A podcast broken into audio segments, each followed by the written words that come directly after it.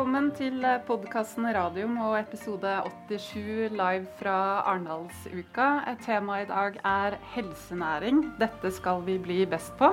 Velkommen til deg, Jonas Einarsson. Takk skal du ha, Elisabeth. Ja, Er det deilig å være tilbake live fra Arendal? Ja, det er alltid moro å være, være, være her. Arendalsuka er spennende og alltid moro å være litt i manesjen. Ja. Eh, temaet i dag er eh, helsenæring. Eh, spesielt aktuelt med da, stortingsmeldinga om helsenæring som skal vedtas i Stortinget denne høsten. Og tidlig november, muligens. og premisset for dette møtet er jo at, at vi skal bli best på, på, helsenæring. Er det mulig? Er det liksom en norsk måte å tenke på? Skal særlig snakke om kliniske studier og, og helsedata. du og jeg har snakka om stortingsmeldinga før. Uh, husker du hva vi konkluderte med?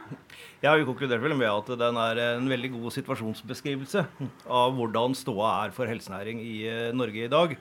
Og og det er veldig positivt at de har inkludert så mye av de som er med i hele denne verdikjeden. Men vi savner vel litt mer krøtt og litt mer tiltak. Og vi håper at det kommer i oppfølgingen av helsenæringsmeldingen nå. Og det virker som om regjeringen er innstilt på, på det. Allerede fått første invitasjon til eh, dialogmøte med, med bl.a. Kunnskapsdepartementet for å følge opp dette rundt kommersialiseringsdelen. Så det virker som de er, er på hugget, og det er positivt. Ja. Men, men, i forhold til den settingen, helsedata, kliniske studier, vi skal bli best. Eh, hvor, hvor, er Radforsk i det landskapet her? Du kan jo kort si hva Radforsk er. Det er ikke alle som kjenner oss. Nei, altså Radforsk er en uh, stiftelse. Uh, og, og, er et, egentlig drevet som et fond hvor vi investerer i gode ideer fra stort sett norsk kreftforskning og prøver å utvikle selskaper basert på denne forskningen. Og vi har i dag 15 selskaper eh, i porteføljen, hvorav fem er eh, børsnotert. Og de andre er alt fra sånn enmannsforetak som driver fortsatt med litt forskning, og frem til at de er i to, to stykker som nå er inne i pivotale studier. Så vi dekker på en måte hele verdikjeden. Vi jobber opp mot forskerne. Eh, i Norge uh, og også internasjonalt. Og prøver å holde litt tritt med hva som foregår, og prøve å se litt fremover. Og tørre å satse på ting som kanskje er litt usikkert enda. Uh, og det er vel derfor vi nå er så sterkt inne i immunterapi. Fordi vi, vi torde å høre på forskerne uh, tidlig og begynne å investere i denne type uh, selskaper. Mens ennå immunterapi var litt sånn uglesett og ikke så veldig mange som hadde tro på det tidlig på 2000-tallet. Så det er viktig for oss å prøve å ligge litt i, i, fronten der. Og norsk kreftforskning er i fronten. Vi er ikke verdens beste, men vi er med. Og, og det er det, det viktigste. Eh, og hvis vi da legger ting til rette for at den forskningen som er med i toppen, kan få forhold som gjør at vi kan kommersialisere og at vi kan bringe det ut eh, i selskaper og bygge en helsenæring, så har vi en mulighet. Og det er liksom den andre benet til Radforsk, er at vi jobber med rammevilkårene. Både sånn politisk som vi gjør nå, men også i form av at vi har bygget Oslo Cancer Cluster eh, innovasjonspark og gitt alle disse nye selskapene et hjem hvor de kan vokse og trives. og vi har nå kommer det også et nytt klinikkbygg og et protonsenter på Radiumhospitalet. Det er kjempefint. Det så ikke sånn ut for 15 år siden.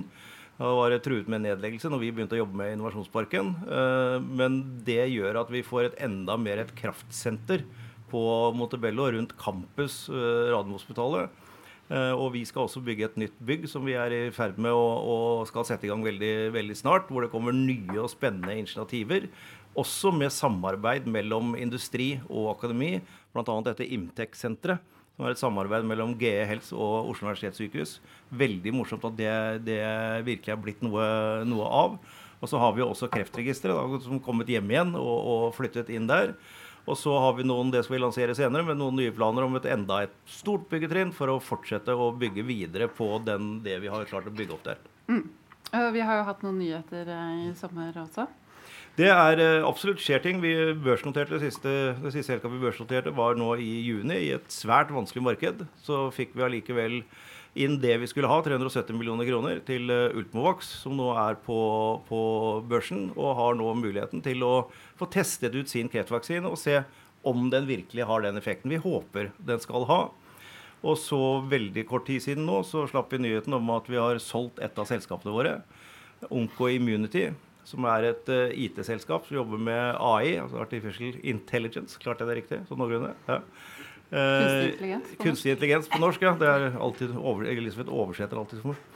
Uh, og det er et selskap som uh, var en idé som kom til oss i Radforsk for drøye fire, snart fem år siden. Og som vi har jobbet med siden, sammen med Trevor og Richard. Fantastiske både entreprenører og forskere. Og nå ble kjøpt opp av NEC Corporation, som er et japansk uh, kjempeselskap med 160 000 ansatte over hele verden.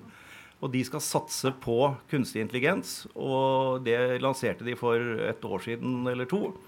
Og har nå lansert at spydspissen i deres satsing der, det skal være Oncoimmunity, som nå heter NEC Oncoimmunity AS. Altså fortsatt et norsk selskap, men heleiet av det japanske. Og Istedenfor å flytte teknologien og menneskene ut av vårt miljø og til Japan, så har de valgt å sende flere fra Japan, bl.a. han som skal lede satsingen for dette store selskapet innen dette området kommer nå til å være halvparten av tiden sin i Oslo og overtar etter min kollega Anders Tyr som styreleder i selskapet. Så de ønsker at de skal forbli i miljøet som vi har bygd opp. og det, det viser at det er ikke så farlig hvem som eier disse selskapene, så lenge vi klarer å beholde de. Og, og, den videre forskning og utviklingen i Norge. og Det viste vi med Algeta. Bayer nå har sin hovedsatsing innenfor hele Thorium-plattformen drevet fra, fra, Oslo og har dobbelt så mange ansatte som de hadde når de kjøpte Algeta. Så det er slett ikke sånn at vi selger det ut og det blir borte. Vi kan bygge videre på det som en del av den helsenæringen vi skal bygge. Mm. Eh, og Litt av stikkordet med Ung Community er jo data. Og det er den første bolken vi skal begynne med nå. Det er eh, helsedata. Eh, når det var høring på Stortinget om stortingsmeldinga om helsenæring i juni, så tror jeg 90% av de 45 som var på høringen, de tok opp helsedata. Det var ganske overveldende. Så dette er noe næringen er veldig opptatt av. Egentlig alle, alle aktører. Der forsvant lyden. Er den på igjen? Ja. Um, og også noe som man kanskje ikke er helt fornøyd med, sånn som det er beskrevet i, i stortingsmeldingen. Um, det er veldig hyggelig å invitere opp uh, tre paneldeltakere som uh, representerer veldig ulike deler av verdikjeden for å snakke om dette med, med helsedata. Uh, begynner med Veronica Barabes, administrerende direktør i Novartis og også styreleder i LMI. Vær så god. Gjerne klappe litt, folkens. Det er bra. Giske Uskin, administrerende direktør i Kreftregisteret. Og sist, men ikke minst, Andreas Stensvold, som er avdelingsleder for kreftklinikken på Sykehuset i Østfold.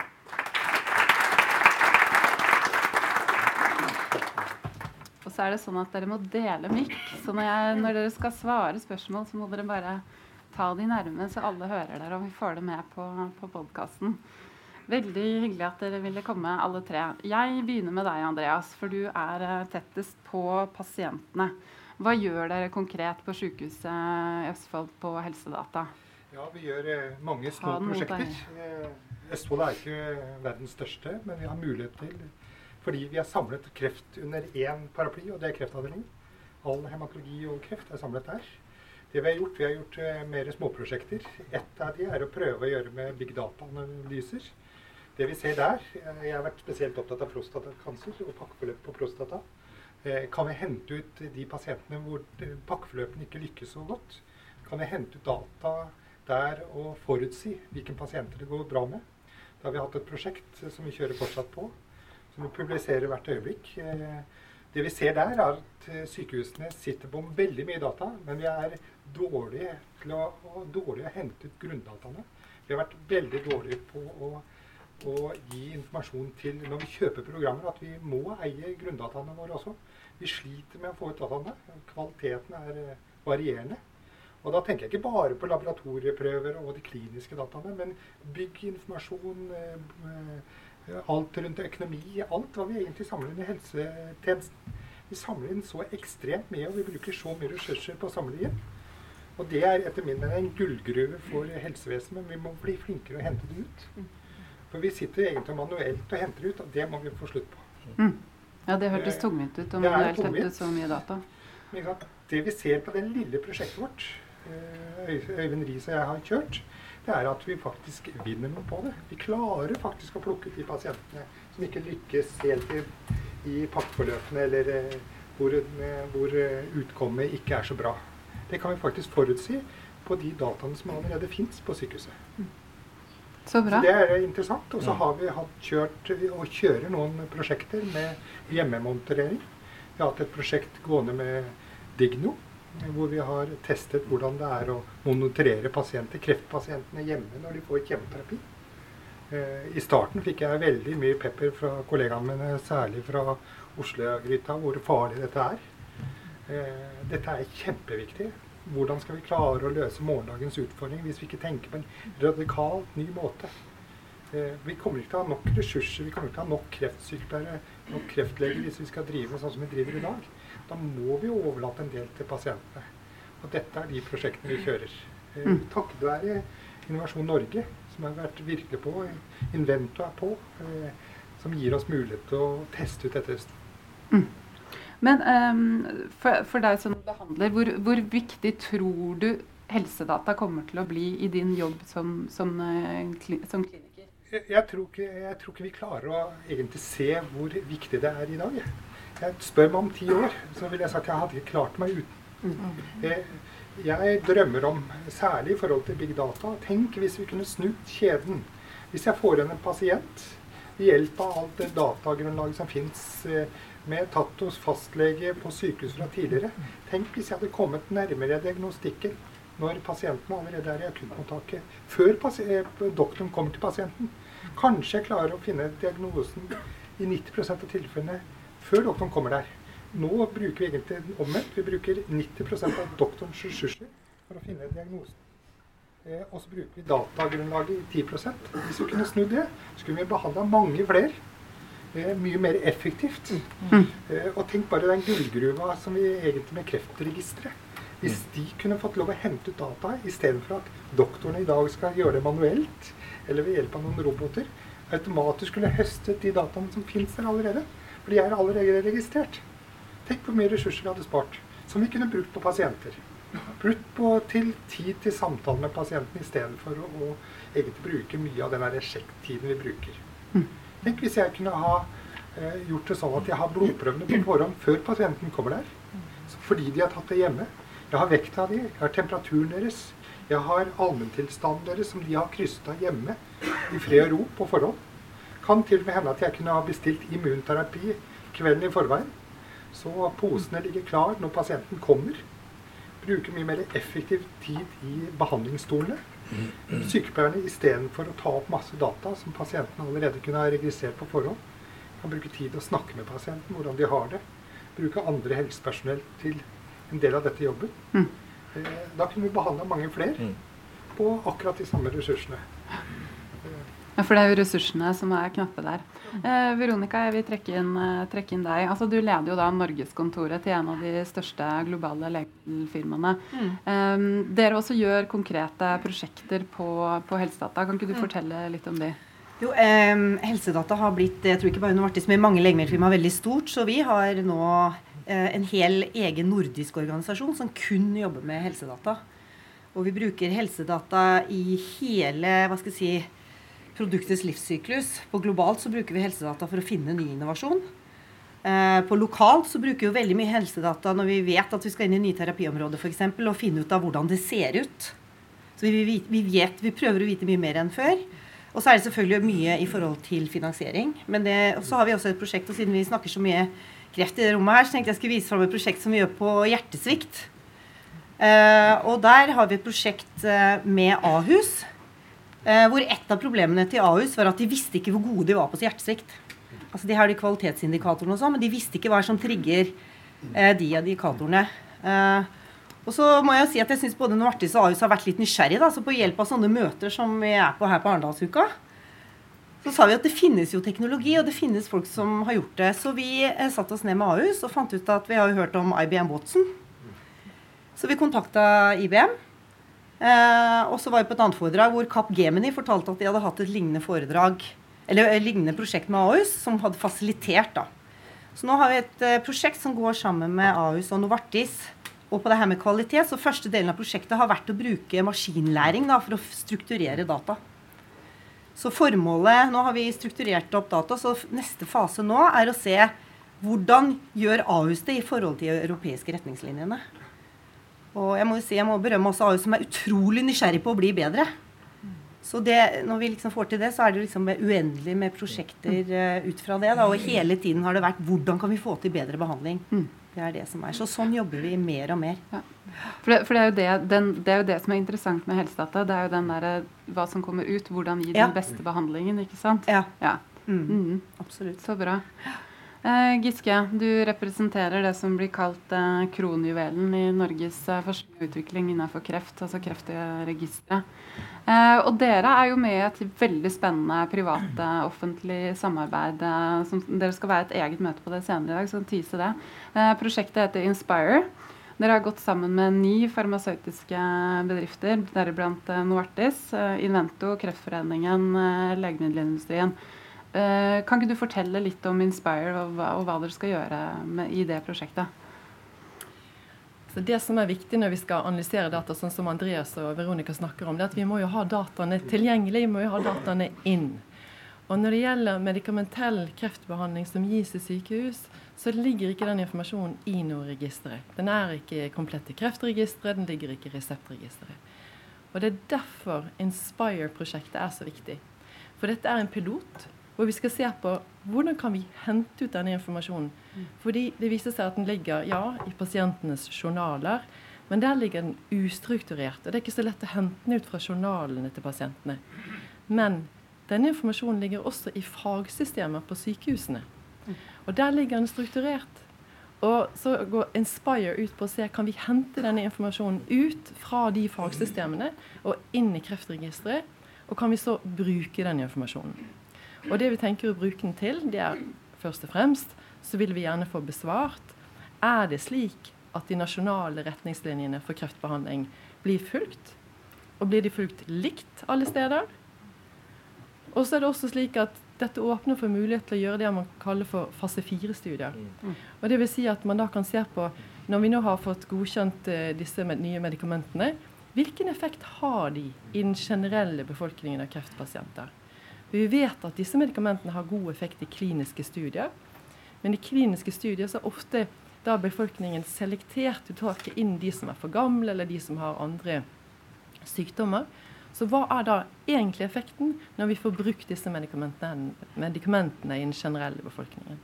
Så Inspire er viktig for å få inn da eh, for å få et første skritt for å få inn noen av de dataene som vi virkelig mangler. Hmm. Eh, jeg var litt naiv, for jeg trodde dere hadde data på dette her allerede.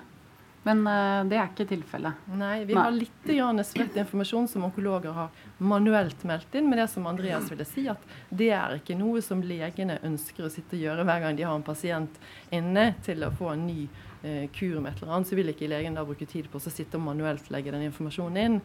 Og vi ønsker jo da å hente den ut fra de systemene hvor den faktisk ligger strukturert. Ja. Det virker logisk. Har du en kommentar, Jonas? Ja, jeg synes det, Dette viser liksom litt paradokset, tenker jeg. At uh, når man skal godkjenne et nytt legemiddel uh, i Norge, så holder de på i relativt lang tid. Og, og våre myndigheter og, og, Beslutningsforum og andre krever da mer, mer, dokumentasjon, men all dokumentasjonen ligger på en måte der allerede fra de kliniske studiene. Så det er jo ikke så veldig mye mer å dokumentere. Men det er veldig ofte hører vi at grunnen til at det tar lang tid, hører vi fra, fra Beslutningsforum, er at at selskapene ikke svarer opp når de blir bedt om dokumentasjon. og så har jeg gravd litt i det, og så er jeg litt på tynn is, men, men jeg tror nok det er riktig også at de selskapene ofte blir bedt om å utrede også helseøkonomiske forhold rundt dette medikamentet i Norge. Og hvordan et internasjonalt selskap skal svare på det, du syns jeg Jeg tror ikke du er så, på, så veldig tydelig. Nei, det er, det jeg setter pris på, på de nikkene. Eh, så, og da kreves det mer og mer og mer og mer dokumentasjon, men som allerede ligger der fra de kliniske studiene. Og så fort da medikamentet er godkjent, det er ingen som følger opp hvordan det går med pasientene, hvordan dette medikamentet fungerer. Det er jo et paradoks som er helt uh, sprøtt. Så Derfor er Inspire utrolig viktig og bør være starten på at vi følger opp alle pasienter som får nye legemidler, og gjør det til en stor fase 4-studie for hvert eneste medikament. Og så kan man ta en beslutning etter et år eller to eller tre. Er det virkelig sånn at dette fungerer som man hadde forventa in real life?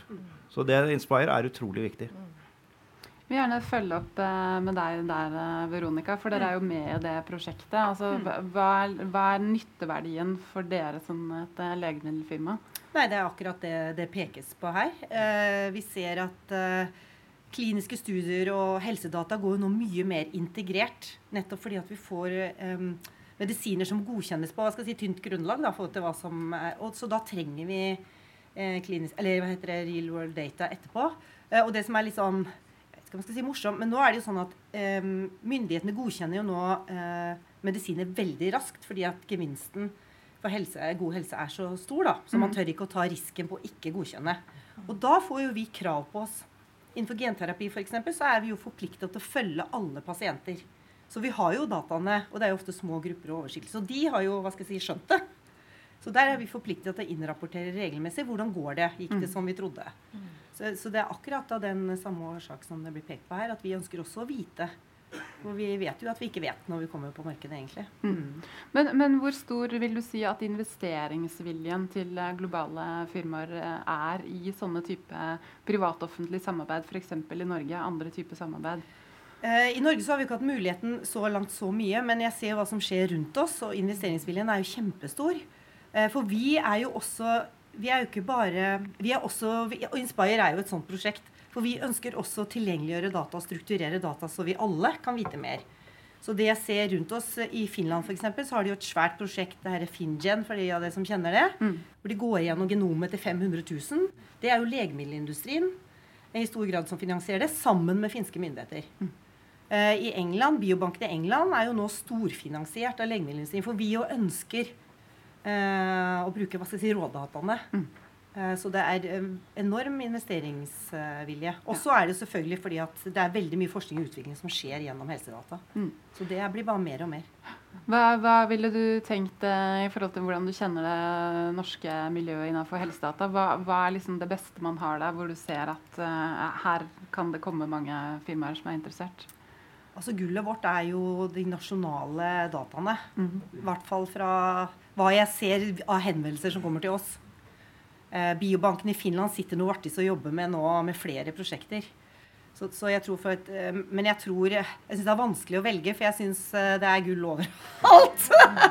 så jeg syns det er veldig avhengig av hva man jobber i. Men jeg tror, i hvert fall fra et globalt perspektiv, så er det de nasjonale dataene folk på utsiden vil ha. Så det er et stort potensial her for mer privat-offentlig ja. samarbeid. Mm. Eh, Giske, i forhold til Kreftregisteret, er det liksom noe dere kunne tenke dere å gjøre mer av framover? Den type privat-offentlig samarbeid som Inspire?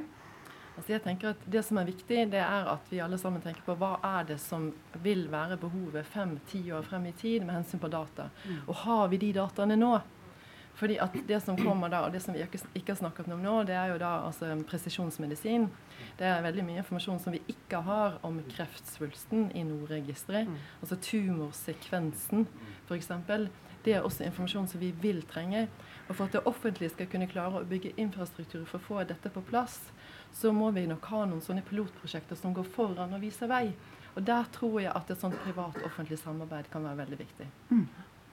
Videreføre det litt, tenker jeg. For at vi har ikke noe valg. Jeg tror mm. jo i løpet av fem til ti år så vil det nok bli slutt på at eh, et, et, medikament blir godkjent for bryst eller lunge. Mm. mm. Da går det jo mer på, på hvilke tumoregenskaper. Og det har jeg prøvd å si nå i ti år. For meg blir det veldig paradoks når vi får nei til nye medikamenter. Eh, på lunge f.eks., men er godkjent på et annet preparat. Ja, hvorfor er det sånn at eh, fordi du har eh, svulsten i ventrikkelkanseren og 30 cm lenger ned, eh, så får du godkjent. Men ikke, det, er ikke, det er jo tumoregenskapene som er interessante for, for pasienten og for, for, oss som behandler det. Mm. Og der sitter vi jo på gullgruva mm. hvis vi bruker dataene riktig. Mm. Og det er helt essensielt. Og hvis vi ikke gjør det nå, så går toget. Og der er jo egentlig Norden helt unike med vårt med personnumrene våre. Vi har jo kontroll på befolkningen. Så hvis ikke vi leverer nå, hvem er det som skal ellers levere da? Eh, og vår egentlige kvalitet, hvis vi klarer å strukturere. Og det er jo også opp til myndighetene. At vi må slutte å snakke om at industrien er fy-fy. For det er det blitt nå de siste årene at industrien har vært veldig fy-fy. De bare er ute etter penger. Vi må få til et samarbeid til det beste for helsevesenet, for pasientene, for samfunnet totalt sett. For det er det vi vinner på. Mm -hmm. Ikke gå i skyttergravene. Det er ingen som er tjent med. Mm. Og særlig den fantastiske utviklingen. Ikke Jeg, jeg, noen ganger får jeg litt sånn eh, vond følelse når det kommer et nytt preparat. Får vi godkjent eller ikke? Ja, det er så dyrt. Men det er egentlig en fantastisk mulighet. til kanskje helbrede noen pasienter som i dag dør av behandlingen. Eh, kanskje gjøre livskvaliteten for de pasientene som er syke, til en mye, mye bedre. Så de kan leve, de kan utnytte samfunnet, de kan yte tilbake, være i jobb ved å tenke persontilpasset medisin. Og da må vi legge til rette. Da må vi hente ut de dataene som allerede fins der. Eh, siste kommentar fra, fra, panelet. Altså, det er litt sånn uh, state of urgency. Som man sier nå, er jeg noe på engelsk også. Vi har dårlig tid. Og det hørte jeg noen snakka om i går også. At nettopp det på helsedata så har man snakka så lenge om alt hva man har. Mm. Men, men, det er et eller annet med at det vinduet, det mulighetsrommet, er ikke åpent til evig tid. Så hvis man skulle gjort, gjort, noe nå, hva hadde vært rette grepet? Begynner med deg, Veronica, så tar vi kort kommentar. Ja, jeg synes to ting, for Vi må jo begynne litt med oss selv. og Det er fortsette å gjøre sånne prosjekter som Inspire. For jeg tror det å gi ringvirkninger til å ønske å gjøre mer. Mm -hmm. Så det er liksom mer sånn kortsiktig. Og så er det å holde presset oppe for å få endra de der lovverket. De store, altså At myndighetene prioriterer det her nå virkelig. Eh, og da se til Finland. altså For når man bestemte seg der, så gikk man. Mm. Og man bestemte seg på tvers. Det, det var liksom det var ikke gjort over natta, men det gikk veldig fort. Så liksom holde trykket oppe nå, for nå har vi snakka om det her i veldig mange år. Mm. Giske?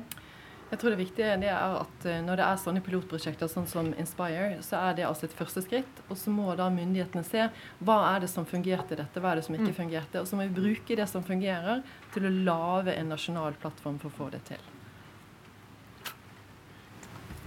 Det er egentlig bare å applaudere de to formålene, tenker jeg. Dette er kjempeviktig. Få tilgang til dataene, legge lovverket til rette og utnytte den kunnskapen vi besitter. Hva er, hva er, det som fungerer, hva er det som ikke fungerer? Og så kjøre på. Og Det har vært noe av min mantra. Jeg tror vi snakker for mye i Norge. Vi handler for lite. Så bra. Tusen takk, alle sammen. Applaus, folkens.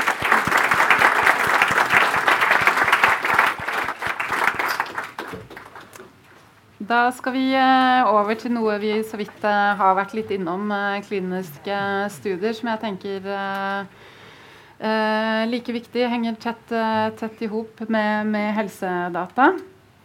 Eh, og så er det, som er liksom bakteppet her, er at, eh, at, kliniske studier i Norge, antallet går ned. Og det er til tross for stor vilje, stor politisk vilje, eh, stor ønske om å ha, tilby pasienter eh, kliniske studier. Um, I 2018 så fikk Statens legemiddelverk inn 72 søknader om da nye studier. Um, I tilsvarende tall i Danmark og Sverige er 187 og 177. Jeg har bare tatt med de for å ha liksom noe nærliggende å sammenligne, sammenligne oss med. Um, så da innenfor kliniske studier er det litt sånn Skal vi tenke nisjer? Hva bør vi gjøre? Eh, I stortingsmeldinga om helsenæring så, så, er det mye om kliniske studier. Eh, og det jobbes også med en handlingsplan for kliniske studier som skal komme neste år. Eh, og for å snakke om kliniske studier, så er det hyggelig å ønske velkommen Fredrik Skjesvold. Som er overlege ved Oslo universitetssykehus og leder Oslo myelomatosesenter.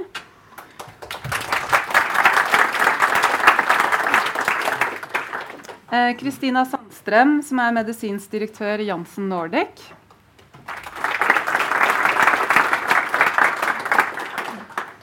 Og igjen, sist, men ikke minst, eh, Maiken Engelstad, som er seksjonsleder i Helse- og omsorgsdepartementet. Jeg bare tar litt vann. Jeg blir så tørr i munnen når jeg står her oppe. Um, uh, Fredrik, uh, vi begynner med deg. Uh, Oslo myelomatosesenter. My myelomatose det er jo da benmargskreft. En ganske sånn sjelden kreftform. Bare så vi begynner der. Men dere startet dette senteret i 2015. dere er nå Nordens største innenfor klinisk utprøvning av altså ny behandling for denne kreftformen. og dere har i dag 26 pågående studier. Dere har 13 i gang med, og dere har innrullert totalt 350 pasienter.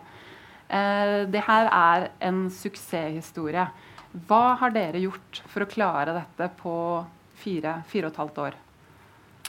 Uh, eh først må jeg si den er, den er ikke liten, middels, middels stor, vil jeg si.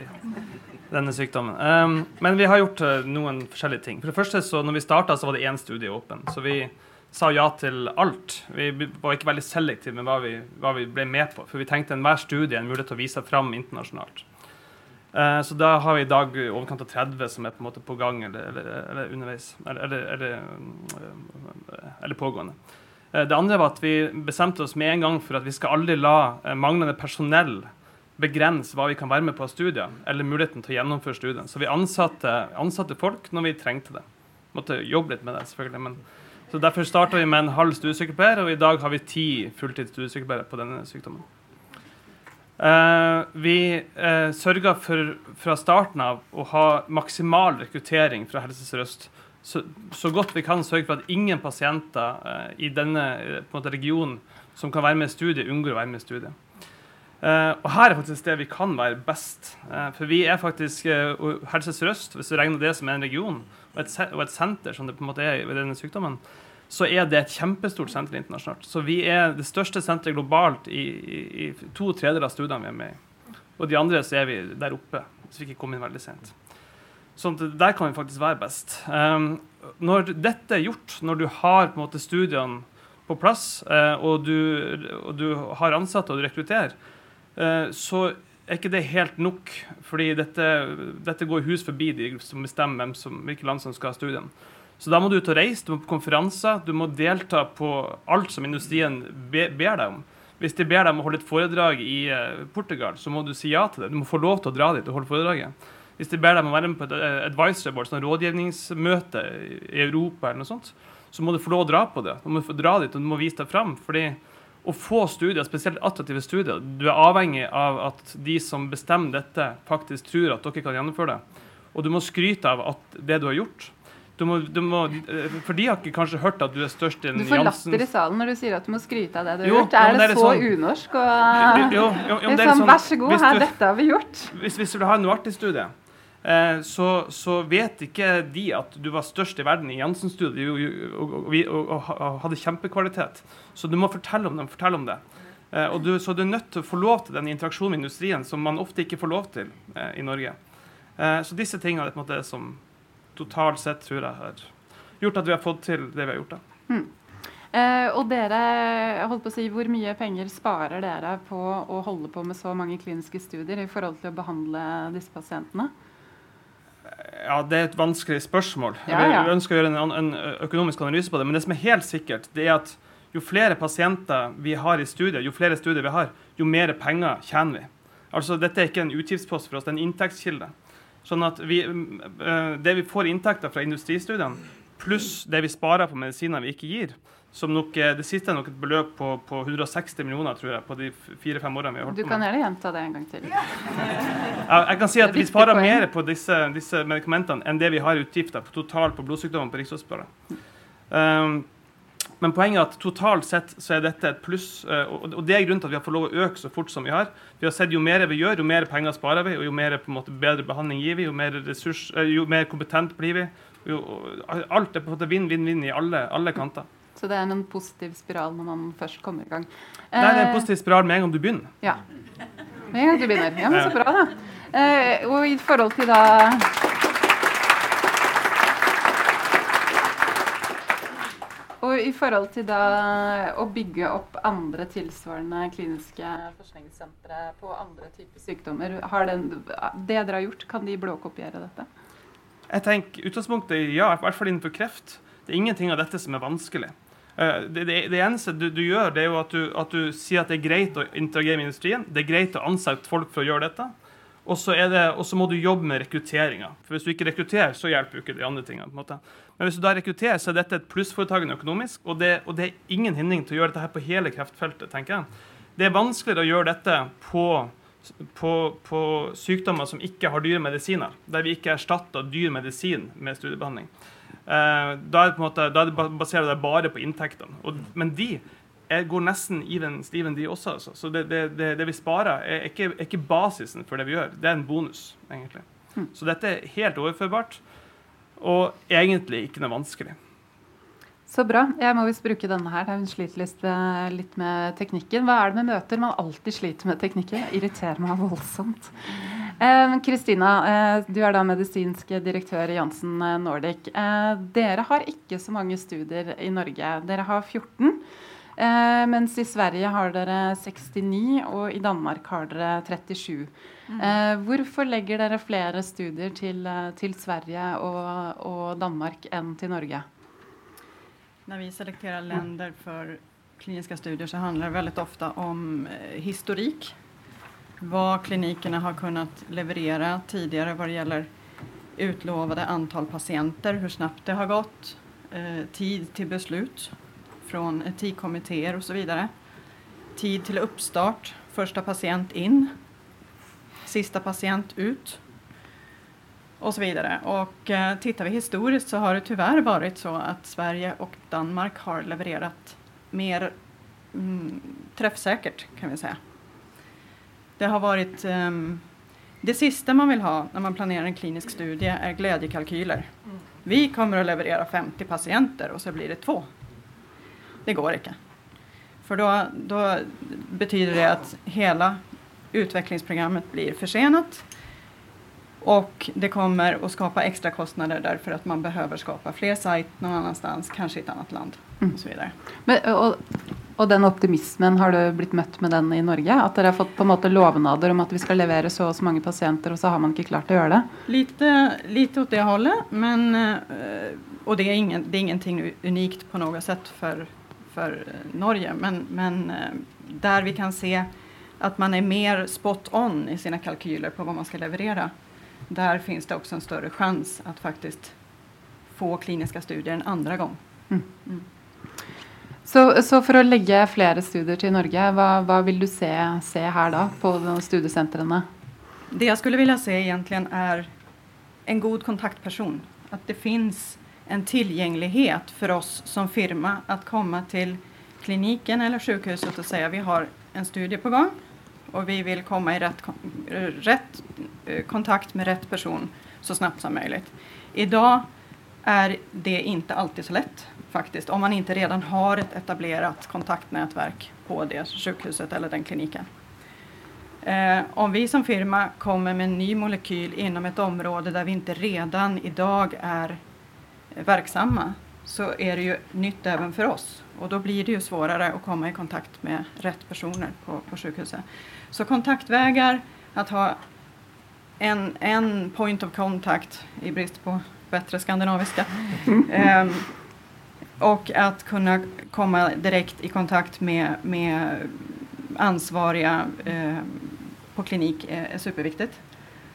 Det andra som är superviktigt är att eh, det går fort i, i, svars, i, i dialogen, i svaret på eh, intresse, om det finns intresse och om det finns resurser att genomföra studien.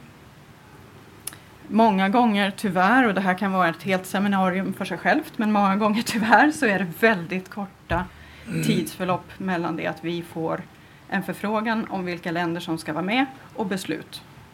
Det kan röra sig om 14 dagar i värsta fall. Och på den tiden må vi direkt få reda på Fins interesse, fins ressurser, går det å gjøre. Mm. Så, så, da når dere på en måte har vært i kontakt med studiesenteret, og de ser at dere leverer, så går dere jo tilbake til de? Mm. Ja. Absolutt. Ja. ja. Eh, Maiken, du leder eh, og Nå kommer det en lang tittel. Seksjon for kompetanse, forskning og innovasjon i spesialisthelsetjenesten. Jeg klarte det uten å snuble. I Helse- og omsorgsdepartementet. Eh, og det er jo en seksjon som har ansvar for eh, kliniske studier.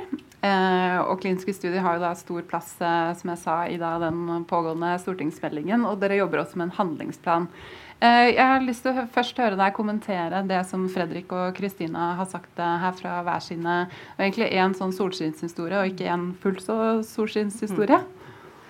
Ja, eh, Hvis jeg bare begynner med Fredrik, så tenker jeg at det er jo et eksempel på noen som faktisk gjør det som regjeringen sier at helseforetakene skal gjøre. Eh, vi har jo, og som egentlig følger opp styringskrav langt der nede.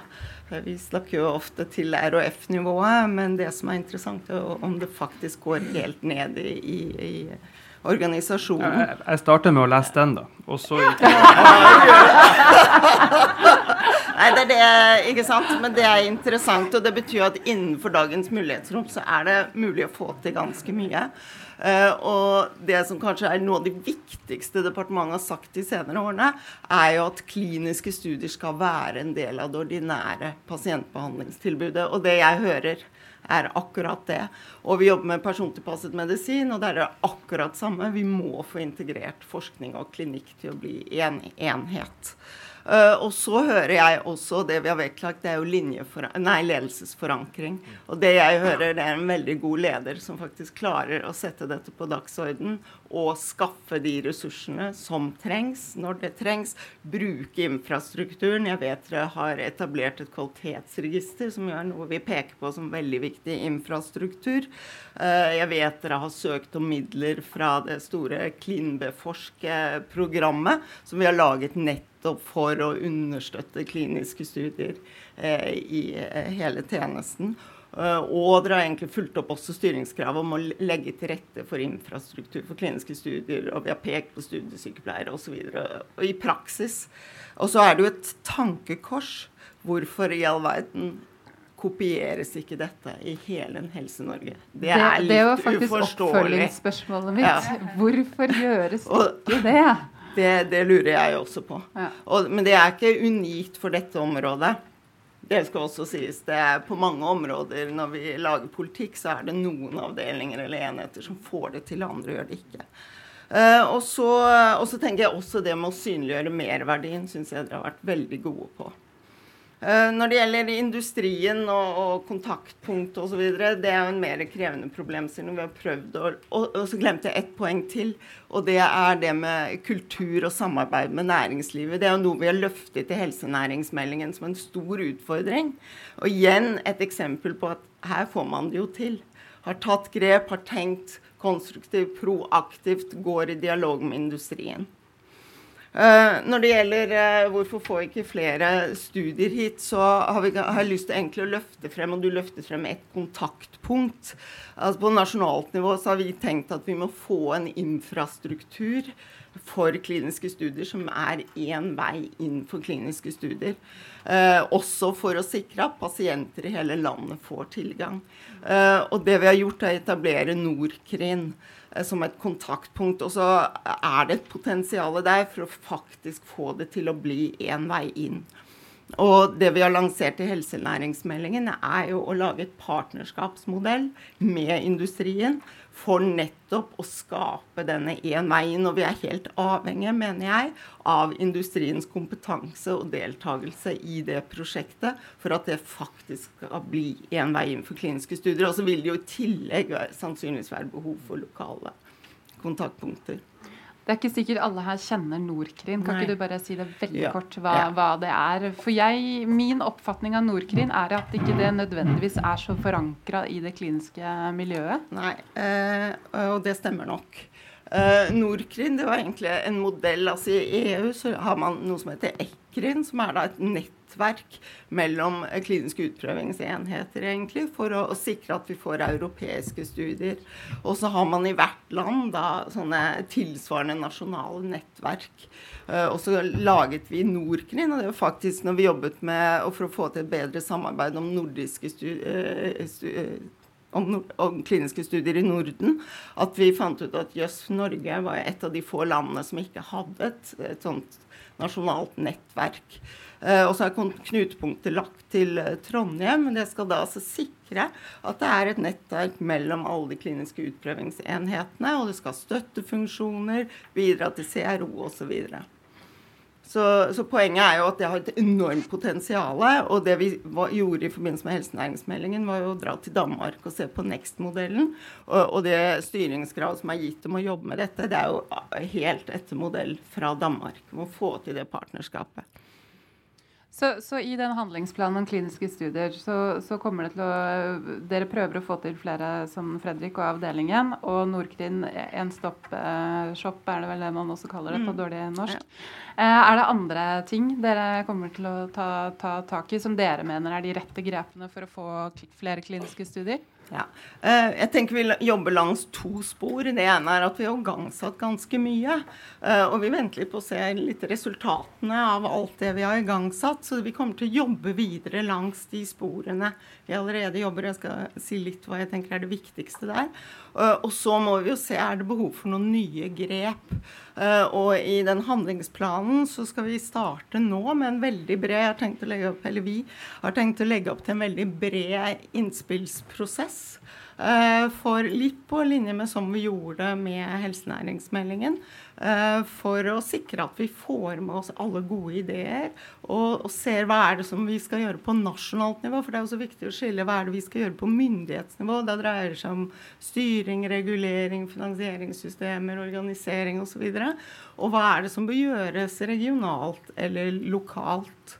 Uh, så det er det vi, vi tenker. Og, og, og, da egentlig imøtekomme din lille kritikk av helsenæringsmeldingen, med at den er veldig fin på å se på det overordnede, men er den konkret nok? Og på akkurat dette området så sier vi jo handlingsplan, og i det så ligger det i hvert fall et potensial for å prøve å komme med mer konkrete tiltak. Uh, når det gjelder uh, hva er det vi jobber med, så har jeg lyst til å bare løfte frem det med Vi sier at vi ikke har nok kliniske studier, vi har for få, men egentlig så har vi veldig dårlig tallmateriale for hvor mange kliniske studier har vi faktisk i gang, hvor mange pasienter er det som inngår. Uh, så det vi har gjort nå, er å lage et, en indikator, et målesystem, en database, så vi skal klare å fange opp alle de kliniske studiene, både de offentlig finansierte og industrifinansiert studiene. Ikke bare hvor mange som søker, men faktisk hvor mange som er det som gjennomføres, og hvor mange pasienter er det faktisk som blir inkludert i disse studiene per år. Og vi har kjørt en eh, pilot- eller sånn prøverapportering eh, nå i år. Eh, og det ser veldig lovende ut. Eh, vi skal gjøre noen små justeringer for å være helt sikre på at dataene er av høy nok kvalitet og har legitimitet osv. Litt vanskelig for noen å rapportere på hva er egentlig en klinisk behandlingsstudie, og hva er egentlig en inkludert pasient. Teller man opp bare nye, eller er det noen som kanskje har telt også de som var med i fjor? Eh, så vi skal se litt på det. Og så er jo tanken å få det inn i det resultatbaserte finansieringssystemet for forskning for å få økonomiske insentiver også for å øke kliniske studier. Det siste er jo at mange etterspør kan vi ikke ha måltall på dette. Der har vi vært litt uh, foroverlent. Så i årets uh, oppdragsdokument til de regionale helseforetakene så har vi satt et mål om å øke antall kliniske studier med 5% fra 2017 til 2019. Og jo mer data vi får, jo mer presise kan vi være på den type målformuleringer. Og det er klart at Når vi setter så konkrete mål, så blir det et økt styringsfokus også. Og jo mer data vi publiserer, jo mer har jeg tro på at vi får eh, eh, egentlig fokus på hele området. Få inn en kommentar her fra først Fredrik og Kristina på de grepene. Hva tenker dere om de? Um, noe annet jeg tenkte å kommentere, egentlig. det jeg egentlig har lyst til å kommentere, det du spør hvorfor, hvorfor er det ikke flere som gjør det. Jeg tror det er to uh, det er to hovedproblemer, sånn som jeg ser det. Uh, det ene er at uh, det er en manglende forståelse for at dette her kan være økonomisk gunstig. Mm. Altså Man tenker at det er viktig at vi investerer i kliniske studier som om det er en ren utgift. Eh, det er en liten tidslegg. For med en gang du ansetter en studiesykepleier, så begynner du å betale lønna, og inntektene kommer litt senere.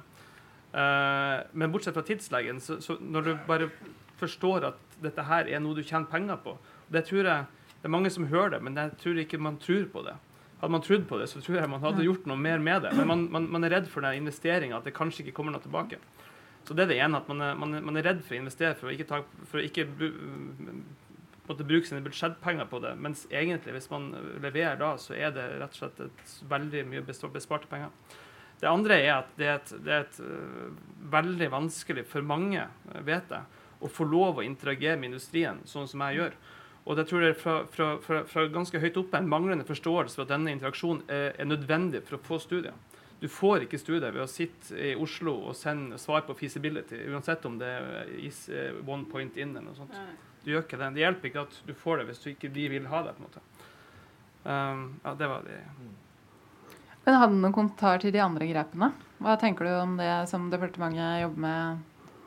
Nei, jeg tenker at, jeg tenker at mye av det er, er bra.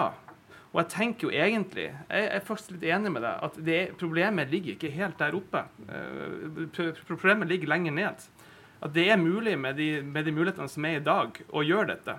Men det er Så det viktigste kanskje de kan gjøre, det er å lage insentiver og lage på en måte målstyring der dette verdsettes mer. For det er et språk man forstår. Men man, man, burde forstått det allerede i dag, bare pga. økonomien og pga. at dette er jobben vår. på en måte. Men i tillegg så må noen men, men, ha mål. Men jeg er veldig tilhenger at man klarer å måle dette. Ja. Det er veldig vanskelig. De tallene er ikke lett å, å finne, altså. men, eh, men, det er veldig viktig å gå i den retninga. Det er det aller viktigste. tenker jeg. Men jeg tenker også, det tror jeg jeg sa en annen gang, i den målstyringa uh, så syns jeg ansatte til Eller uh, antar, antar på en måte Eh, årsverk på forskning, avsatt til forskning, bør være et mål. Eh, ikke bare hva de får ut av det, men også at faktisk, du, du, blir målt på å ansette folk for å gjøre det. Vi må få inn et internasjonalt perspektiv her. Kristina, hva tenker du, du om dette? Da, nå kommer det masse studier fra, fra Jansen mm. til Norge. Ja. Nej, men vi har ju sett de här eh, initiativen som redan har kommit och vi ser målbilden som finns där som är oerhört positiv och, och det, har, det händer saker även från vår sida att vi faktiskt ökar våra studier även i Norge. Eh, men med det sagt, jag tror att eh, det som fortfarande sker, och det är väl lite grann vad, vad du sa just Fredrik, det är att det, det, är som ett glapp mellan den politiska viljan och vad som sker på golvet, om vi säger. Eh, och, och där, det måste komma samman och det måste bli samma eh, vilja rakt igenom och det måste också mätas på rätt sätt. Det, jag tror att en vård som primärt mäts på vårdutfall och att producera vård kommer att producera vård. En vård som mäts på både forskning och vårdutfall kommer att producera båda två. Och, och det behövs den, typen av incitament både för patienternas skull och för att kunna tillgängliggöra möjligheter för patienter så tidigt som möjligt. Men också för att hålla engagemanget och intresset uppe på klinikerna kring utvecklingen. Alle har tegna seg, og vi må gå inn for landing, for tida begynner å gå. Så jeg bare tar en uh, siste kommentar fra alle her. Jonas, begynn med deg. Ja, jeg syns dette viser klart hvor, hvor, problemet ligger, og så syns jeg det viser klart hvor, hvordan løsningen er. Og, og, løsningen har folk som Andreas og Fredrik vist oss. Dette er fullt mulig å gjennomføre. De har hatt sjefer som har latt dem få lov til å gjøre det som er nødvendig, nemlig å ansette folk når de får studier, fordi de får inn penga senere. Og så har jeg ikke sagt at vi har ikke budsjett til det, men det budsjettet blir bedre når de pengene kommer inn, og da klarer dere å nulle ut det. Og, og dere behandler pasienter som dere ellers ikke ville hatt noen behandling til. Det er kanskje noe av det viktigste her. Og så sier du det, samme som de, de sier, har sagt i Stanford i mange år, at, at uh, studier det er en del av standard of care. Og det viser jo dere også at dere, dere, får til. Jeg mener at vi ikke vil gjøre jobben vår godt nok når vi sier til en kreftpasient at nå har vi ikke noe mer godkjent behandling å tilby deg. Eh, beklager, nå er det palliativ behandling. Hvis vi ikke har sjekka ut og gjort alt vi kan for å se om det fins en klinisk studie til denne pasienten. Ekspertpanelet er bra i forhold til det. Problemet deres er at de sier at de, det finnes ikke nok kliniske studier i Norge. Så når de vet at det er muligheter for å behandle en pasient med et medikament som er under utprøvning, regjeringen sier, og dere er veldig tydelige på, at det skal være sånn at kliniske studier skal bli standard of care. Vi har en masse leger som ønsker å gjøre det. Og da er det igjen dessverre sånn at det er et mellomsjikte her i, i, eh, som alltid sier at nei, vi har ikke budsjetter. Nei, vi skal, dette er ikke, blir nærmest ikke sett på som pasientbehandling å behandle i kliniske studier, og det er helt feil. Og dette har med kultur å gjøre, som igjen er, er dette. Den kulturen kan skifte ved at vi har ildsjeler som disse folkene her og, no, og, noen til, som viser at det er mulig. Men det må være enda tydeligere kommer igjen, Margen, styringssignaler fra myndighetene. Ikke bare at det står i oppdragsbrevet, men det skal gjennomføres. Fredrik? Jo, jeg ble, jeg ble litt opptatt av dette man snakka om i stad, med gullgruve. Jeg mener at det her er en, en gullgruve. fordi når, er, når Norge er med, så er det noen ting som kjennetegner det det er at uh, alle pasienter sier ja. Det må være litt kort også, for ja. jeg er litt på overtid. Ja. Ekstrem villighet blant pasientene, høy kvalitet i det som uh, leveres, og follow-up har vi 100% alltid. Det har de ikke i andre land. Så disse tingene gjør at vi er en veldig attraktiv partner hvis vi får studiet. Kristina? Jeg tycker det er oerhört positivt å se de forandringer som er på gang. Och det enda jeg vil eh, skicka med er vel egentlig bjud inn oss til dialog. Maiken? Eh, Da tar jeg mitt siste poeng, og det er det nordiske samarbeidet. Hvor jeg tenker at utviklingen i persontilpasset medisin, så må også de miljøene her tenke, og vi må lage en infrastruktur for å tenke nordiske studier også. Og kanskje arbeidsdeling. Og der tenker jeg både industrien og det offentlige bør bidra. Og da må dere snakke sammen. Tusen takk skal dere ha, alle sammen.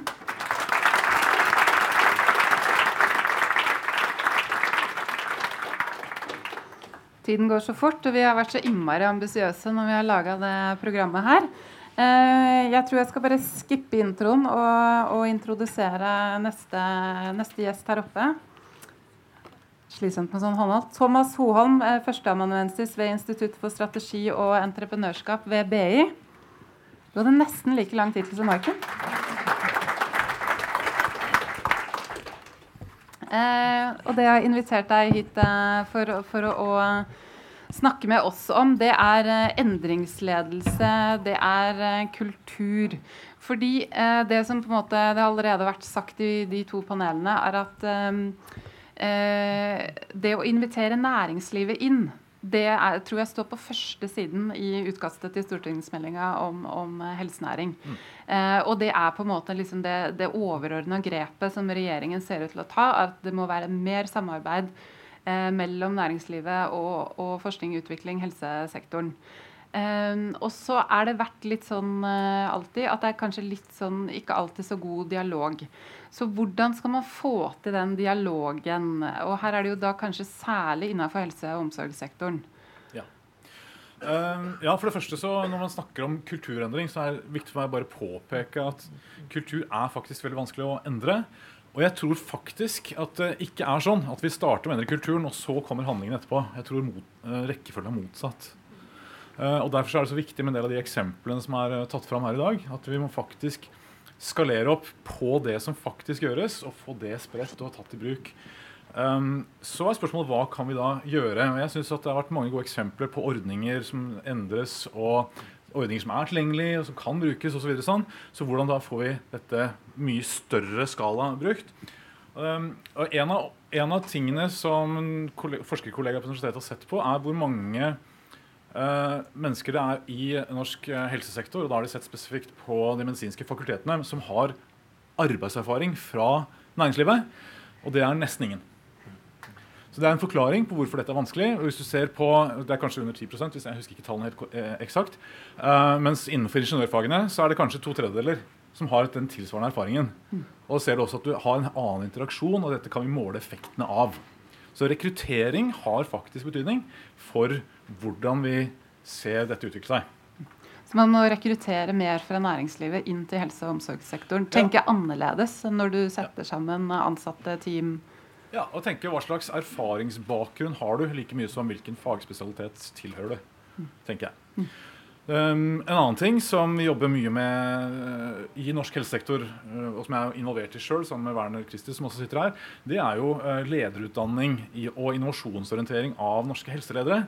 Der har vi fått lov til, sammen med Helsedirektoratet og HOD, og, og, og nå har vi gjennomført lederutdanning for, og innovasjon for 650 norske helseledere i kommunesektoren.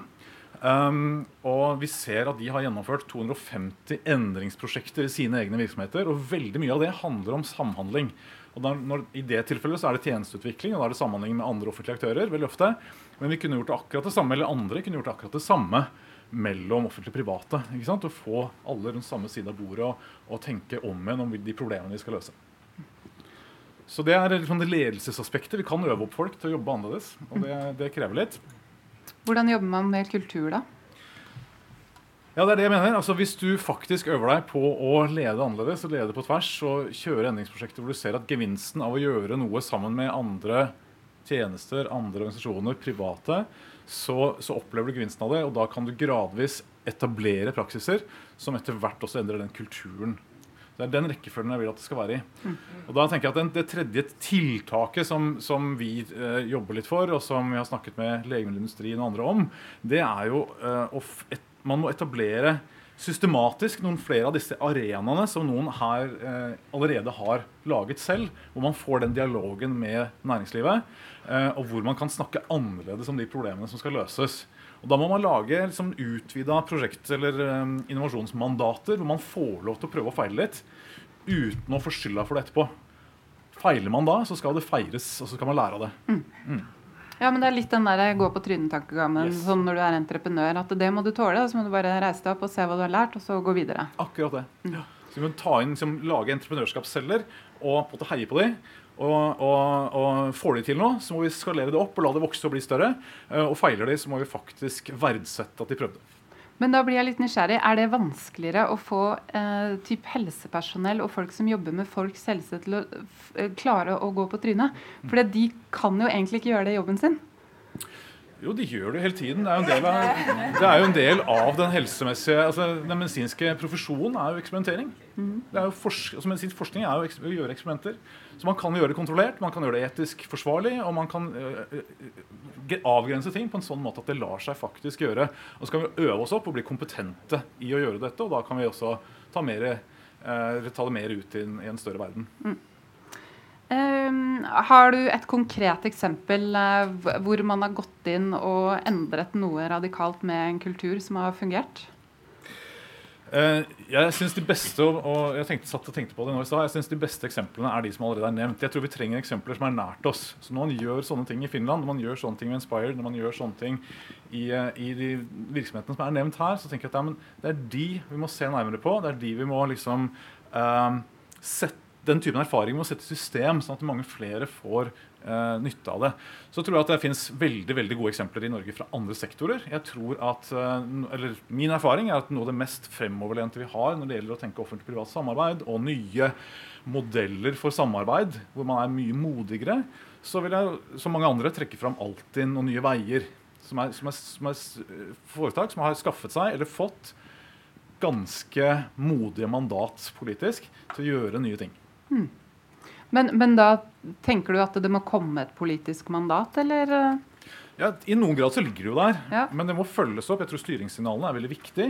Og så tror jeg vi må faktisk tenke hva slags kompetanse, hva slags sammensetning, hva slags trening trenger de folka som da skal stå i dette. Og så vil jeg tilbake til ledelsesspørsmålet. Hvis du feiler, blir du dolka i ryggen? Eller har du trygg, solid backing når, når stormen kommer? For den kommer. Tusen takk skal du ha.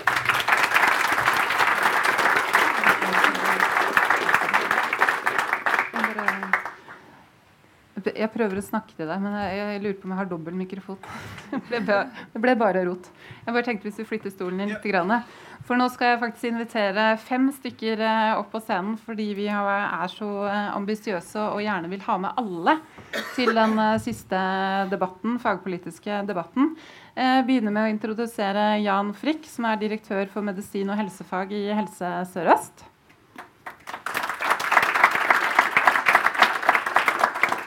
Karita Bekkemellem, administrerende direktør i LMI. LNI. Eh, Ruth Grung, stortingsrepresentant Arbeiderpartiet, og også saksordfører for stortingsmeldinga om helsenæringen. Toril Eidsheim, stortingsrepresentant for Høyre, sitter i helsekomiteen. Og Anne Kjersti Fallvik, områdedirektør for næringsliv og teknologi i Forskningsrådet. Velkommen.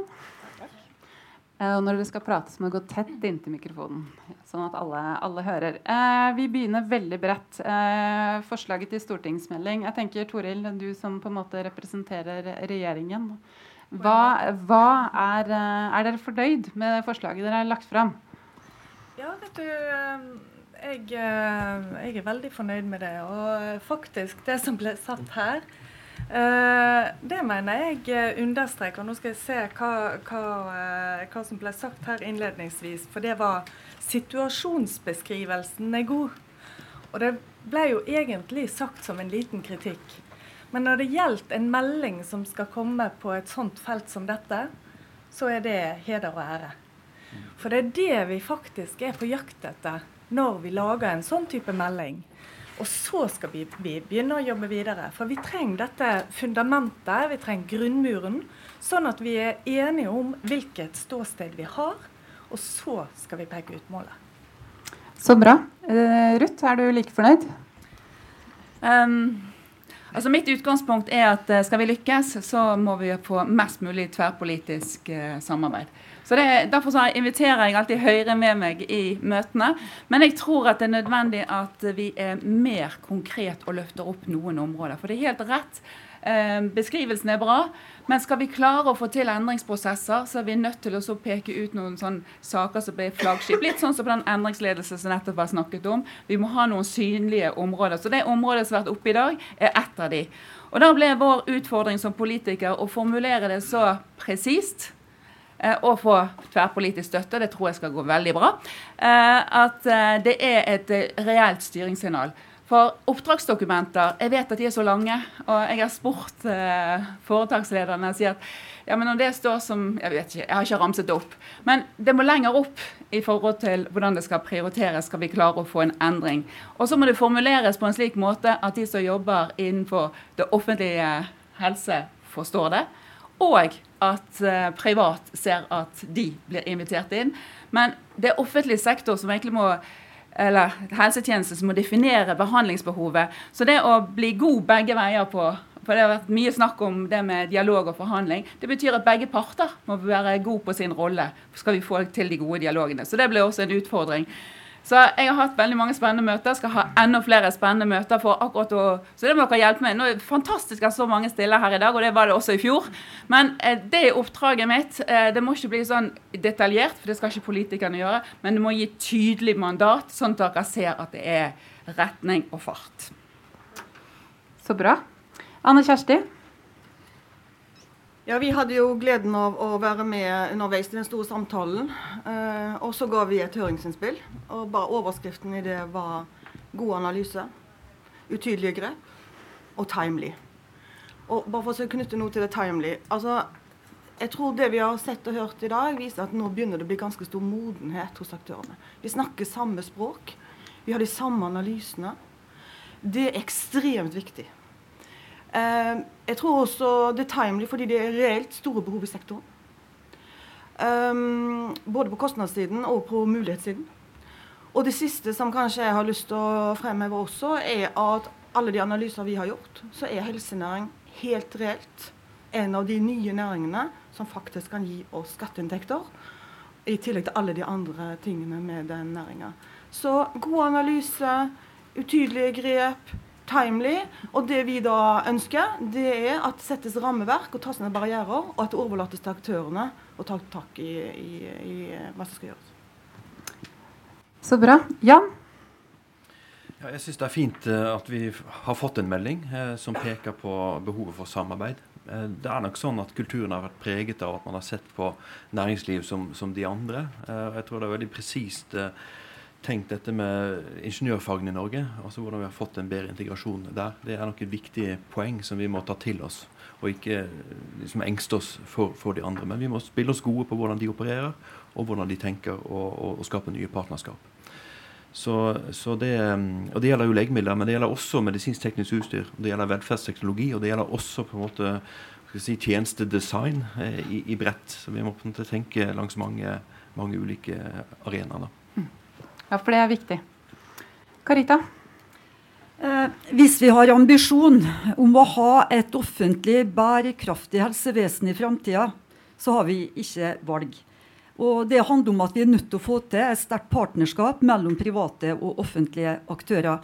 Og jeg tror De innleggene vi har hørt tidligere i dag, viser egentlig behovet for at vi er nødt til å få til det på en mye mer målretta måte. Og så handler det på mange måter om da, å se hvor er Norge i dag. Og mange peker på hvorfor har vi ikke kommet lenger. Og jeg tror at Hvis vi går tilbake og skanner de politiske dokumentene de siste årene som handler om helsesektoren, så ser vi at kliniske studier, det å bygge helsenæring, har jo vært helt fraværende. Så det vi holder på med i dag, det er å bygge egentlig en ny vei. Og vi har nå kommet til et veikryss som industrien mener i Norge er svært, svært positivt. Og Da er det litt opp til aktørene om vi ønsker å bygge positivt, bygge tillit gjennom piloter, og på den måten òg kunne få bedre pasientbehandling. Og jeg tror det vi hørte fra Fredrik og Andreas, er på mange måter bildet på den virkeligheten vi opplever. Det er på mange måter et dilemma mellom rammene sykehusene har, det å kunne være operativ på en god, fornya måte, og så kommer industrien på en helt unik måte. Vi står og banker på døra. Og dette her handler om økonomi. Ja, vi deltar med nesten 160 000 per pasient i kliniske studier. Men vi glemmer òg dimensjonen med pasientrettighetene våre, og at Norge kanskje vil komme til å eh, sakke akterut hvis ikke vi har en offensiv politikk. Så igjen, dette partnerskapet i Brenn for det, mellom det private og offentlige, det er der vi vil finne de gode løsningene og ha et bærekraftig helsevesen i framtida. Og på den måten òg ha nok hender i arbeid om mange, mange år. Eh, premisset for, for, den debatten i dag er jo at, at, man må tørre å ha litt ambisjoner. Man må tørre å si at man skal være best på noe. Eh, og Bakgrunnen til at vi, vi, har satt det, er jo nettopp fordi at helsenæringen er så global. Er, altså du, du, er born global du, når du skal ut i, i det markedet her. Eh, og det jeg lurer på da, Er dere enig i det premisset, at man skal være så langt eh, framover i skoa? Og er da kliniske studier, helsedata, liksom det man skal satse på, eller er det andre ting man skal satse på? Jeg tar bare begynner med Anne Kjersti, og så tar vi runden. Eh, vi skal være verdensklasse. Eh, eh, vi, vi, produserer 2 av verdens olje men vi er, nest, vi er, best. Så selv om vi er små, kan vi være knallgode. Og jeg tror innenfor helsedata så er det en asset, en råvare, som kan gjøre oss gode. Når det gjelder kliniske studier, så har vi et stykke vei å gå. Og da tror jeg Vi har diskutert mye nå rundt industrien, som er meget viktig. Det vi ser i Forskningsrådet, som virkemiddelapparatet ser, det er en god del oppstartsvirksomhet.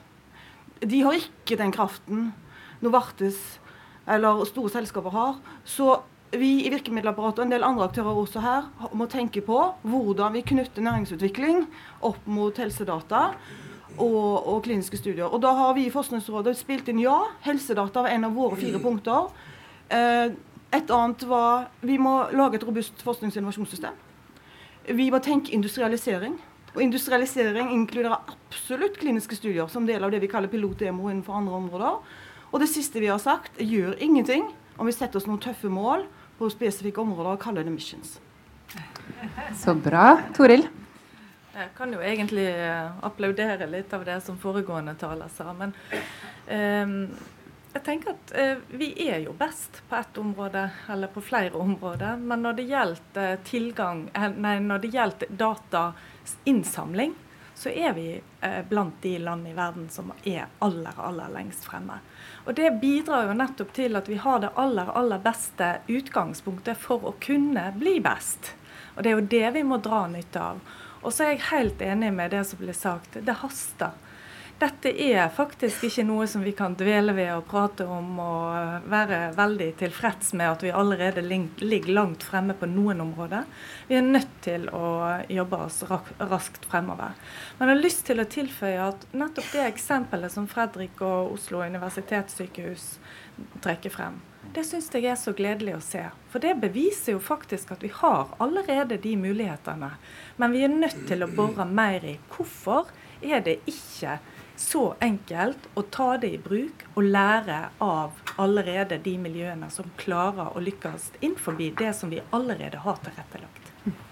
Men, men, hvis du sier at uh, det, du, dere er enige om uh, Høyre, at, uh, at, man har dårlig tid, vil du si at det kommer noe, noe i budsjettet allerede nå til høsten, eller?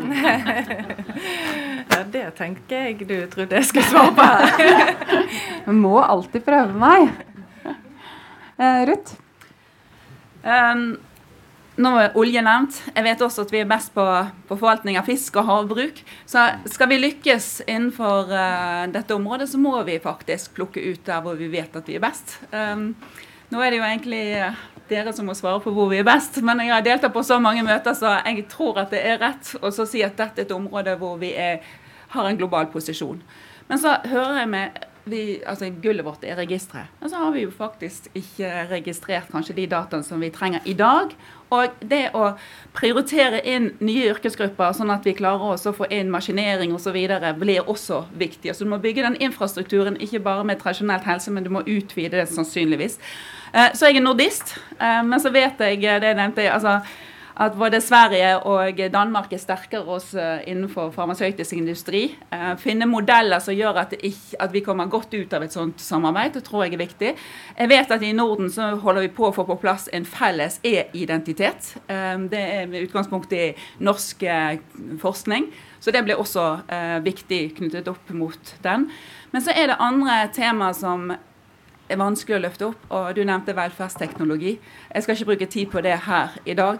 Men det er viktig at vi ser på de områdene som Og derfor så er det både i helsenæring og næring, nei, eh, helsekomiteen og i næringskomiteen at vi klarer også å se hvor er de viktige behovene fremover. Og primærhelse der sliter vi i forhold til å være i spiss, samtidig som vi har veldig mye bra innenfor primærhelse, men ikke koordinert av forskning, og psykisk helse også et tema som er viktig fremover. Og der har man også funnet fram til litt tilfeldig hvordan sånne forskningsoppdrag eller eh, resultater kommer fram, sant? både i Trondheim og i Bergen. Så, så det, Derfor er det veldig viktig for oss som politikere at vi gir de rette styringssignalene politisk, sånn at det blir prioritert, men ikke detaljstyrt. For vi vet jo ikke helt hvor det kommer. Men vi må gi en retning også på prioritering. Men, men, bare for å ha det helt klart, i forhold til samarbeid mellom offentlig og privat, eh, hvordan stiller Arbeiderpartiet seg der etter eh, partilederdebatten eh, mandag? Hvor jeg på en måte følte at Jonas var litt ute og snakket om at næringslivet ikke alltid er eh, det positive. Men her er dere positive.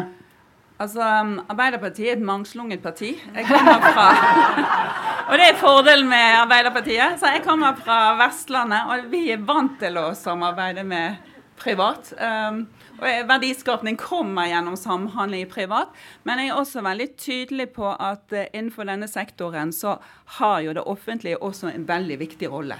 Ved at vi er så stor som vi er, og det handler om helsen, og veldig mye av forskningen er innenfor det offentlige.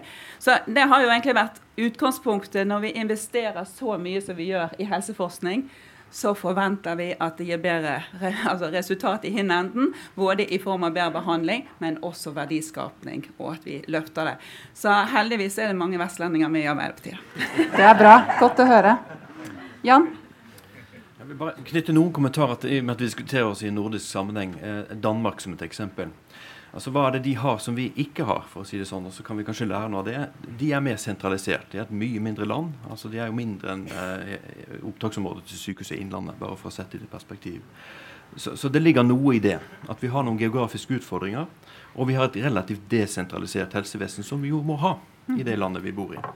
Eh, så har de en egen industri innenfor legemidler eh, som er tung internasjonalt, eh, som er en stor motor. Og så har de ikke hatt en uh, petroleumsvirksomhet som vi har. Sånn at de har en annen De har nok en annen kultur for entreprenørskap innenfor andre sektorer. Så vi har lagt mange av de klokeste og beste hjernene våre gå inn, inn der. Mens Danmark har andre tradisjoner. Og, og, og, de representerer jo nå, hvis man tenker København-området, Malmö, en hub. En innovasjonshub med en kritisk masse av, av aktører som, som kan få ting til å skje. Og Der tenker jeg at vi har et stykke å gå til å bygge kapasitet her i, i Norge. Vi er opptatt av det som skal skje rundt life science-satsing og eh, Radiumhospitalet og Oslo universitetssykehus. Eh, Oslo kommune er opptatt av Oslo Science City. Altså Jeg tror vi må erkjenne at vi er nødt til å konsolidere oss. Vi er nødt til å samle en del ting for også å kunne lage eh, regionale nettverk ut fra, ut fra en hub. Og Noe av det som kjennetegner avdelingen som, som du jobber ved, Fredrik, Eh, hvor halvparten av pasientene er med i studier, det er jo at, eh, at det, det, er en samlet avdeling i Oslo eh, som, som har en stor masse med pasienter. Som, som, og i tillegg har en infrastruktur som gjør at dette blir faktisk et attraktivt og stort eh, senter. Så, så, vi må også se på struktur for å, for å kunne eh, altså bygge, bygge, kapasiteter. Mm. I tillegg til at det også alltid vil være ildsjeler og enkeltpersoner som, som har en betydning. Mm. Men bare holde deg litt på dette med, med kultur, for du, du, representerer jo på en måte de ansatte her i, i Helse Sør-Øst. Er de positive til å samarbeide med næringslivet? Altså Jeg opplever at mange er positive. Eh, og så opplever jeg at vi mange, eh, altså næringslivet forventer noe av oss.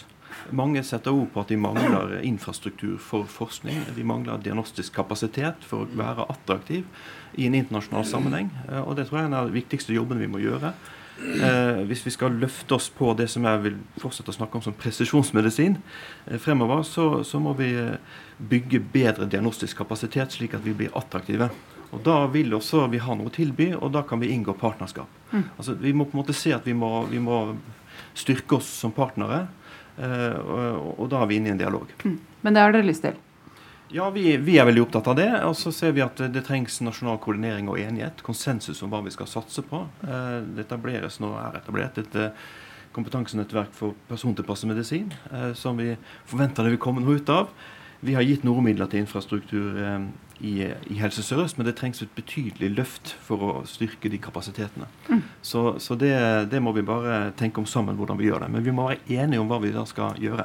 Og, og, og, det er en jobb som har full prioritet nå. Så bra. Karita? Eh, det norske helsesystemet er jo gjennomregulert og så tungt faglig styrt eh, at eh, det er ingen tvil om at premissene for å klare å iverksette det vi nå snakker om å ta i bruk helsedata, helseregisteret, det, det er det ingen tvil om. Og det må offentlige myndigheter ha en trygghet på med det gode norske offentlige systemet vi har. Og Da er det spørsmålet er, evner vi nå framover til å ta grep. Og jeg tror da handler litt om det BE sa i sted. Har vi en kultur for å kunne prøve og feile? Og jeg tror det at På vårt felt så handler det om å få litt pilotsyke. Det handler faktisk om at vi er nødt å prøve ut ulike piloter for å trygge systemet vårt. Og vi opplever når vi sitter i møte med departementet, dørene er åpne. Vi føler absolutt at helseforetakene òg er meget imøtekommende. Men det er jo ikke svar på hvordan kan vi løse disse utfordringene. Og Da tror jeg det handler om å orke å ta den jobben med å jobbe seg nedenfra og opp. Og jeg vil si til departementet og til politikerne lytt på grasrota, fagekspertisen. Ja, vi drar til utlandet, vi får ny kompetanse, vi ser på Next i Danmark. Men vet du hva, vi har gull på våre norske sykehus. La vi bygge en struktur nå der det er tillitsbasert, og at det er lov å prøve og feile.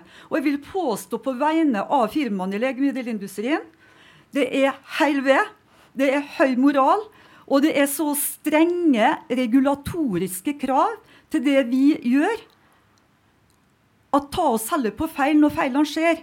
Men jeg mener det at den tida er kommet nå at vi virkelig kan slippe inn og prøve ut dette der. Og Derfor vil jeg berømme avslutningsvis Kreftregisteret med Gisken og det arbeidet vi har gjort nå. Det er helt fantastisk. Og vi håper at dette her òg vil være med å trygge beslutningene, og at gjør at vi kan ta i bruk de nye innovasjonene på litt lengre sikt på en helt annen måte enn den debatten vi opplever nå. Siste setninga handler om alt henger sammen med alt. Vi kan ikke stå i denne salen her og snakke om forskning, utvikling, nye muligheter for næringslivet. Så går vi i en ny debatt, og så problematiserer vi veldig det som går på tilgang, og at pasientene våre skal ta i bruk innovasjonene. Så la vi få denne debatten i en helhet. Så bra. Eh, vi har bare tid til et kjapt spørsmål eh, på slutten. Utfordrer dere, litt på det. Hvis man bare skulle gjort én ting nå for å virkelig få fart, hva, hva, er det viktigste man skulle gjort? Det er sånn 1000-kronersspørsmålet. Anne Kjersti? Vi har gått fra å være um, litt ustrukturerte til å få et fantastisk kreativt, kvalitativt høyt mylder. Nå må vi lage mønster. Vi må lære av de beste. Det kan være norske økosystemer, det kan være Danmark. Men nå må vi rett og slett gjøre det. For nå har vi preika lenge nok, og vi er over terskelverdi på kritisk masse og kvalitet og kapasitet. Jeg tror jeg bare sier amen. Toril? Ja eh, det, Plukke ut ett ut av dette, det, det, er ikke så enkelt. Men eh, Styringssignal, det er kanskje det, jeg, eh, det som sitter sterkest igjen. Altså vi må være veldig, veldig klar og tydelig på styringssignal. Og kanskje òg eh, oppfølgingen ut av det, å sikre og se at vi beveger oss raskt i riktig retning. Ja, for én ting er å gi et signal, men da må det jo på en måte signalet tas. Ja. ja. Ruth? Oh, helt håpløst. Um, jeg tror faktisk det viktigste er Det har jeg lært. altså helsenæringen er liksom ikke anerkjent som en næring. Så det er faktisk det viktigste sånn overordnet, hvis vi skal være helt oppi der, det er å løfte det, synliggjøre det sånn som Og jeg er helt enig med flere som sa vi bruker lokale eksempler den er ikke synliggjort nok. Så det blir kanskje det politiske viktigste jobben vår. er Å synliggjøre den som en av de næringene hvor vi har vekstpotensial, men som vi også er utrolig gode på. For det, det, er få steder hvor det møter så mye kompetent. og Jeg, jeg var jo ramse i fjor. I, I, dag skal jeg bare på helsenæring. Så jeg må bare løpe etterpå. Men, altså, men det blir ikke synliggjort utad. Så det tror jeg faktisk er den politisk viktigste jobben er at vi løfter opp Eh, ikke bare helse, men helsenæring. Så bra. Takk. Kjør på og gjør det. Jan? Altså, vi, vi, må konsolidere oss, og vi må styrke og bygge bedre infrastruktur for forskning. Det, det, det mener jeg kanskje er et viktig oppdraget vi kan ta som et ROF. Og så har jeg en liten ting til, og det handler om reg regulatoriske rammer. Eh, helseforskningsloven hadde jo som ambisjon én dør inn. Og det er nok dessverre sånn at mange forskere ute i eh, helsevesenet opplever at det ikke er én dør inn. Det er veldig mange ulike dører, og det er mange dører ut. Og det mener vi faktisk må, må gjøre noe med. Altså jeg har selv som klinisk forsker opplevd at uh, viktige internasjonale prosjekter glipper fordi at man drukner i uh, uendelige diskusjoner om juridiske spissfindigheter, og dette vet jeg at vi ikke er alene om. Mm. Og, og, og, det er klart Når du jobber med globale aktører, sånn som jeg har gjort uh, med sjeldne sykdommer, så, så, sier de takk for det, da går vi til andre steder. Og Det, det må vi unngå. altså. Ja. Så, så, brutalt er det. Ja, eh, bare et oppfølgingsspørsmål. Har du budsjettene du trenger for å bygge opp infrastruktur? altså Vi bruker 2,7 milliarder på forskning i Helse Sør-Øst hvert år. Eh, vi har et flott klinisk behandlingsforskningsprogram med 125 som godt, nei, millioner som godt kan økes eh, mer. Det er en veldig god mekanisme for å skape konsolidering, samarbeid på tvers eh, i regionene det, det, vi nok trenger, er en satsing på hva skal jeg si, eh, kapasitet for å gjøre genetiske analyser, molekylær diagnostikk. Eh, og det, det, vil være et løft, for da snakker vi om betydelige beløp. Carita? Ja, veldig kort. Tre ord. Samarbeid, samarbeid, samarbeid. takk. Tusen takk skal dere ha, alle sammen.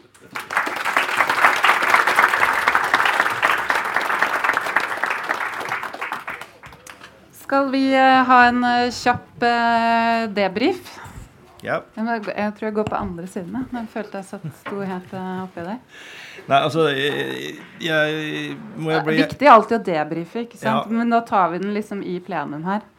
Jeg blir litt sånn, nesten litt satt ut av, av en sånn uh, seanse som dette her, fordi jeg har holdt på med dette i en del år og sier at det er mulig å bygge helsenæring i Norge. Uh, og det er svært hyggelig å se at nå er alle enige om at det er mulig. Eh, I dag har vi diskutert eh, to punkter som er svært viktige. Eh, og løsningene ligger egentlig snublende nære for å løse de to. Og så har vi noen til, og vi må plukke ut de feltene også. Det gjelder selve innovasjon- og kommersialiseringsprosessen. Fra å få den gode ideen i den akademiske institusjonen gjennom fødselsfasen og ut, forhåpentligvis helst i et norsk selskap som vi bygger videre. den modellen vi, vi jobber etter. Hvor forskerne og klinikerne blir tatt mest mulig vare på. Det vil på en måte være vår jobb oppi dette.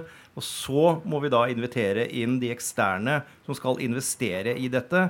Og de skal ta en høy risiko på vegne av myndighetene som har lagt ned pengene i forskningen. Da må forholdene legges til rette for de som er villige til å gjøre det. Det er det også innspill som vi har kommet med, og som er også behandla i helsenæringsmeldingen. Så det er viktig at vi tar de to tingene med, og at vi bygger et økosystem.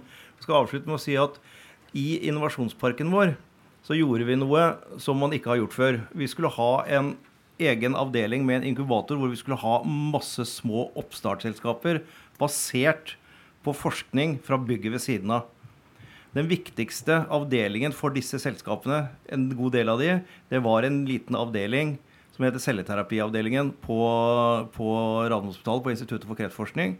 Og da sa vi at for å få det tette samarbeidet mellom den avdelingen og de selskapene vi har satt opp, som er Ideen kom fra denne avdelingen, fra dette miljøet. Og de er så viktige for at vi skal kunne jobbe videre og utvikle dette. For disse selskapene driver jo bare med forskning og utvikling i lang tid. Så sa vi da kan vi ikke bare flytte den avdelingen inn i laboratoriene i inkubatoren sammen med oppstartsselskapene og være på samme laboratorium, det ble et rimelig ramaskrik. Men det gjorde vi. For det var noen, også en ildsjel der, det var Gunnar Kvalheim, som sa at det gjør vi bare. Og så fikk han lov til det, og det har vært en dundrende suksess. Og de jobber så tett og godt sammen. Det svarer opp Karita, samarbeid. Så bra. Da ble det siste ord. Eh, tusen takk til alle deltakerne som har vært oppe her på podiet og delt eh, av sin eh, kunnskap og ambisjoner. Tusen takk til samarbeidspartnerne Forskningsrådet, LMI Jansen og Novartis. Vi har ny podkast i morgen om genterapi med Kreftforeningen og Biotekrådet. Og så er det bare å si god Arendalsuke videre.